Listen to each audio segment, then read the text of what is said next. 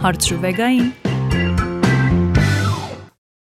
Բարև ու բարի գալուստ իմ ռադիո հանրայինի երիտասարդական ալիքի եթերում դուք լսում եք հարցրուվեգային աշխարի ամենաընկերական ոդքասթը, իսկ ինչու ընկերական, քանի որ ես մեծ սիրով ընկերական խորհուրդներ եմ տալիս մեր այն բոլոր ռադիո լսողներին, ովքեր ինչ-ինչ պատճառներով այդ խորհուրդները չեն ուզում հարցնել մտերիմներից կամ ծանոթ մարդկանցից։ Մի խոսքով անանուն հարցեր կարող եք ուղարկել մեզ նաև դուք, ես մեծ սիրով կպատասխանեմ նաև դրանց։ Իսկ այս շաբաթվա առաջին հարցը հետևյալն է. Բոլորը խոսում են երազանքներիդ յետևից գնալու կարևորության մասին։ Իսկ ինչ անեմ, եթե ես երազանքներ չունեմ։ Վայ։ Ընդհանուր առմամբ ես իմ կյանքից գոհ եմ։ Ունեմ նորմալ աշխատանք։ Գոլեգաներս վատը չեն, ղեկավարս վատը չի, ընտանիքիս հետ էլ նորմալ հարաբերությունների մեջ եմ։ Դուք ապրում եք այդ երազանքը, կարծում եմ։ Ոչ դժբախտ եմ, ոչ առանձնապես երջանիկ։ Ինչ անեմ։ Ինչպես երազանքներ գտնեմ։ Իսկ ինչու առանձնապես երջանիկ չեք։ Եթե ամեն ինչ լավ է, գոհ եք կյանքից, գոլեգաներից, ընտանիքից, գուցե պետք է սկսել հենց այդտեղից։ Ես ձեր փոխարեն կանգ կառնեի եւ կվայելեի այդ հանգիստ առանց դրամաների, սկանդալների կյանքը, այսպես ասած, որովհետեւ երբեմն մեր կյանքում այնպիսի իրադարձություններ են տեղի ունենում, իհարկե, Աստված չանի հուսով եմ ձեր դեպքում նման բաներ չեն լինի, բայց ցավոք կյանք է, երբեք չգիտես ինչ կլինի ու երբեմն մեր կյանքում տեղ են ունենում իրադարձություններ, երբ մենք ստիպված ենք լինում ետ նայել եւ կարոտել մեր կյանքը այդ իրադարձություններից առաջ։ Այնպես որ խորհուրդ եմ տալիս նախ ձեր բառապաշարից անել դե այդքան էլ երջանիկ չեմ արտահայտությունը, որովհետեւ ինքներդ նշել եք, որ կարծես թե ամեն ինչ լավ է, ընտանիքը լավն է, աշխատանքը լավն է եւ փորձել ամենօրյա փոքր երջանկություններ գտնել հենց առօրյայում լավ գոլեգաների հետ անցկացրած ժամանակի մեջ, ամանորյա Secret Santa-ի նվերի մեջ, ընտանիքի հետ հարաբերությունների մեջ, ի վերջո ցավոք մեր ընտանիքի անդամներն էլ մեր մայրիկները, հայրիկները հավերժ չեն մեզ հետ եւ պետք է վայելել նրանց հետ անցկացրած ցանկացած պահ, ցանկացած ժամանակ։ Այնպես որ առաջին խորհուրդը, որ միանշանակ կտամ, դա թեկուզ փոքր, բայց երջանկություն գտնելն է այն ամենի մեջ, ինչը ձեզ շրջապատում է կամ հասկանալը, գիտակցելը, թե որքան երջանիկ եք այս պահին միշտ կարելի է ինչ որ անվտանգ արկածներ, այսպես ասած, ավելացնել կյանք։ Օրինակ, ամենօրյա սովորական դարձած գործողություններին կամ օրվա սովորական պլանին ավելացնել որևէ նոր բան, զբաղվել մի բանով, որով նախկինում չեք զբաղվել։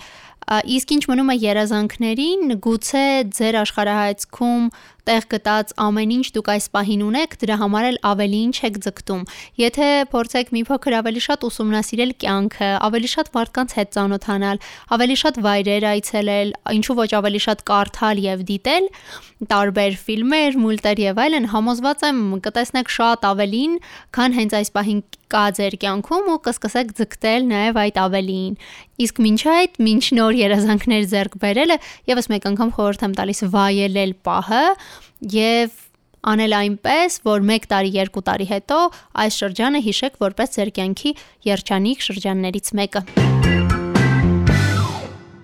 Ինչ խորհուրդ կտակ այն մարդուն, ում փորձում են վիրավորել, խոսքի մեջ իրենց հազրացնող արտահայտություններ թույլ տալ, որը ճունի լուրջ դրդապատճառ, միայն նախանձն է։ Ինչպես վարվել այդ պահին կամ ինչպես պահել հոգեկան աշխարհի բալանսը անընդհատ չնեղսրտելու համար։ Նախ ոչ մի դեպքում թույլ չտալ, որ մեր շրջապատում մնան մարդիկ, ովքեր ցանկանում են ցավ պատճառել, վիրավորել,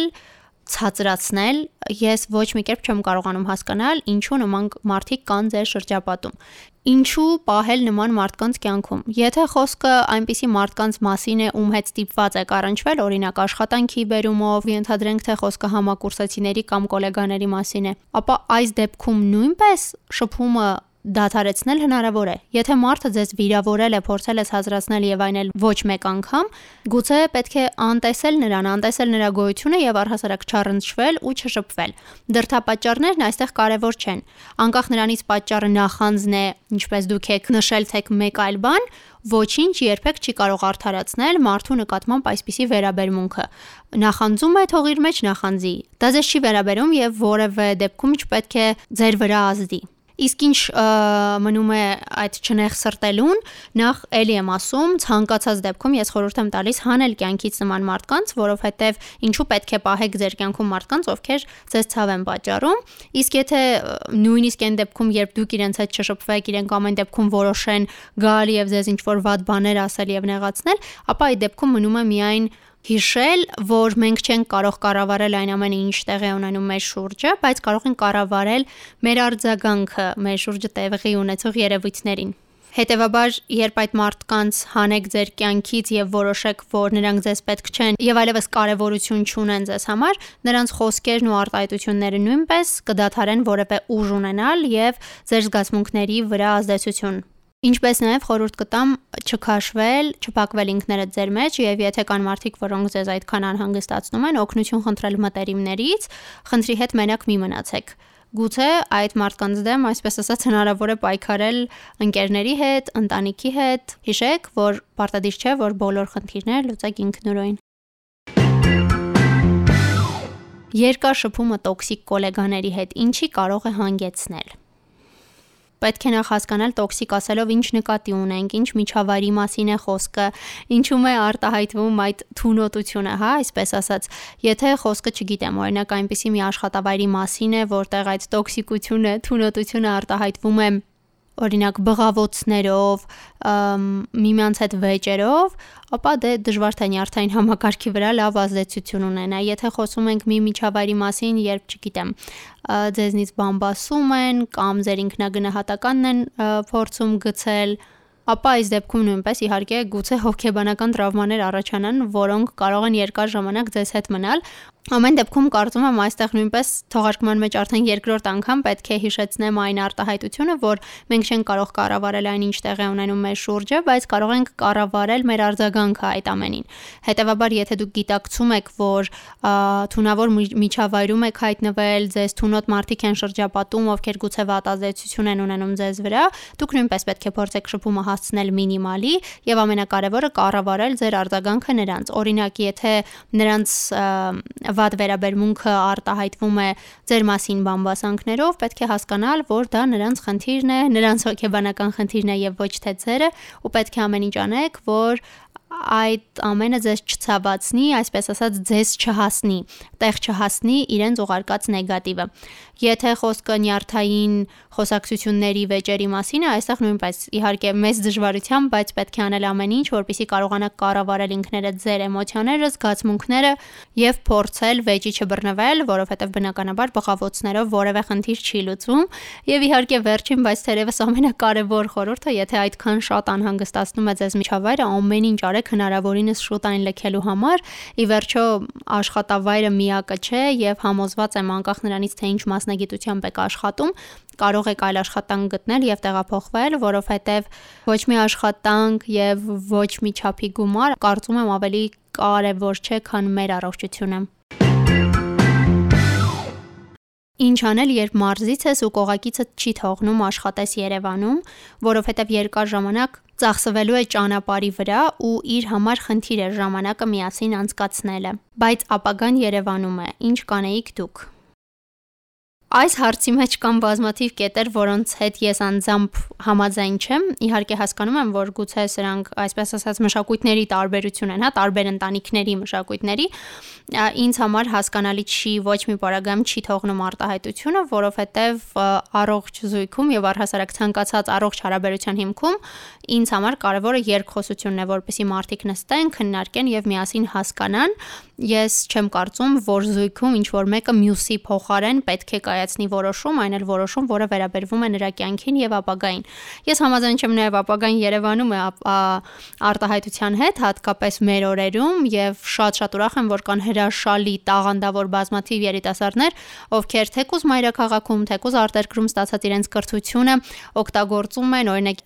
տարբեր մարզերը շենացնելու, այնտեղ նոր հնարավորություններ ստեղծելու համար եւ ես վստահ եմ, որ լավ մասնագետը աշխատանք եւ հնարավորություններ կկարողանա ստեղծել ցանկացած կետում, հատկապես Հայաստանում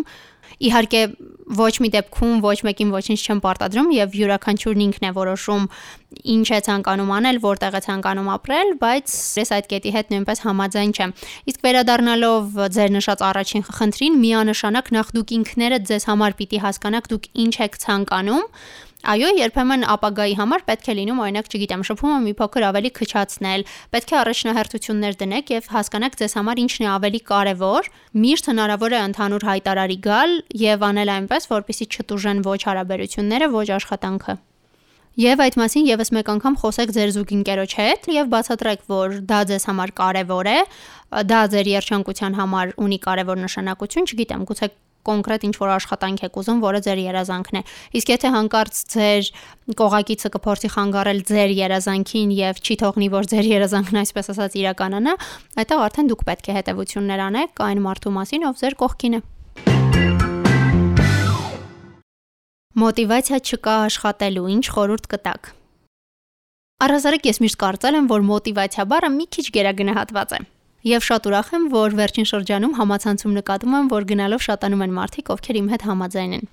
Երբ մենք ինչ-որ բան ստիպված ենք անել, միևնույն է անում ենք, չէ, մոտիվացիա լինի թե ոչ։ Այս վերջերս ավելի ու ավելի շատ եմ հանդիպում այն գաղափարին, որ երբեմն մոտիվացիայից շատ ավելի կարևոր է դիսցիպլինա կոչվածը։ Իհարկե, ինձ համար հոգեկան առողջությունը, ներքին հանգստությունը ամենաամենակարևոր բաներն են, եւ եթե դուք գտնվում եք այնպիսի վիճակում, որ իսկապես ի վիճակի չեք որևէ բան անել, չեք կարողանում առհասարակ չի ստացվում աշխատել եւ դա ձեզ անհրաժեշտ է հանգստանալու, ինքներդ ձեզ այսպես ասած բուժելու համար, Եվ եթե կա հնարավորությունը չաշխատելու, ապա իհարկե ես կողմ եմ, որ ձեզ այդ ժամանակը տակ եւ հանգստանաք այնքան ժամանակ, որքան կարիք կլինի։ Բայց զուգահեռ ես հասկանում եմ, որ աշխատելն էլ միշտ չէ, որ հաճույքի համար է եւ կան դեպքեր, երբ մենք ստիպված ենք, որովհետև դրանից կախված է մեր կյանքը, մեր առօրյան, ի վերջո պետք է սնվել, պետք է հագնվել։ Նման դեպքերում կարծում եմ պետք է արդեն հույսը դնենք դիսցիպլինա կոչվածի վրա, կարգապահության վրա, եւ սկսենք մի փոքր ավելի ռեժիմով ապրել, թեկուզ որոշ շրջան ինքները ձեզ համար փոքրիկ օրակարգ սահմանեք, որը կօգնի թեկուզ մինիմալ, բայց ինչ որ ժամանակ օրվա մեջ գոնե տրամադրել աշխատանքին։ Այո, գուցե որոշ ժամանակ ստիպված լինեք անել դա չուզելով, բայց կարծում եմ էլի ավելի լավ է թեկուզ մի փոքր ինչ որ բան անելը, քան առհասարակ չանելը։ Հետևաբար սկսեք փոքրիկ քայլերից, Ինչպես գիտեք, կա հայտնի կարծիք, հետազոտություն, ըստ որի 21 օր է պետք սովորություն ձեռք բերելու կամ մեկ այլ սովորությունից ազատվելու համար, ձեզ համար գուցե սահմանեք ինչ-որ մի շրջան, որի ընթացքում օրինակ պետք է ամեն առավոտ արթնանաք 5 ժամին, աշխատեք այսքան, հանգստանաք այնքան եւ կրկին աշխատեք այս շրջանում գուցե հնարավոր է այս մեթոդով հետ բերել աշխատունակությունը եւ թեկուզ ինքները ձեզ ստիպելով մի քիչ խիստ լինելով փորձել այնպես անել, որ աշխատանքը չկանգնի, ինչեվ մոտիվացիան հետ գա, իսկ մոտիվացիան այնպիսի բան է, որ մի օր պարտադիր հետ է գալիս։ Անկերոջս հետ խնդիրներ ունեմ։ Չգիտեմ ոնց նախքին կայծը հետ բերեմ ու կարգավորենք հարաբերությունները։ Նախ բերեմ բառը գուցե մոռանալով եւ ամբողջ աշխատանքը ձեր վրա չվերցնելով։ Հարաբերություններում դուք երկուսով եք եւ Դուք ոչ միայն պարտավոր չեք, այլ նաև չեք կարող ինքնուրույն, ինչպես դուք եք նշել, ինչ որ բան հետ բերել։ Քանի որ հստակ չեք նշել ինչ խնդրի մասին է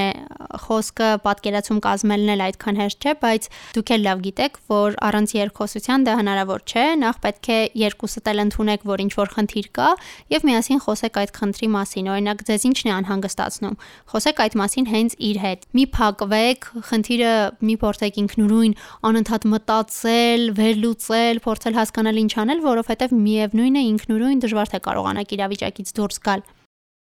Ինչ մնում է նախքին կայծը հետ բերելուն, եթե հիշում եք օրեր առաջ իմ հյուրը զույգային թերապևտ էր եւ այսպեսի մի միտք ասաց, որ հարաբերությունները երբեք չեն լինում այնպեսին, ինչպեսին եղել են։ Հետևաբար ինչ որ նախորդ կայց հետ բերել, ինչ որ բան փորձել իմաստ չունի, որովհետեւ հարաբերությունների բնույթը ընթացքում փոխվում է եւ նորմալ է, որ հիմա մի փոքր այլ է, քան նախկինում էր։ Գուցե լինի մի շրջան, երբ շատ ավելի լավ լինի, քան հիմա է։ Գուցե ավելի լավ, քան նախկինում է, բայց ամբողջությամբ նույնը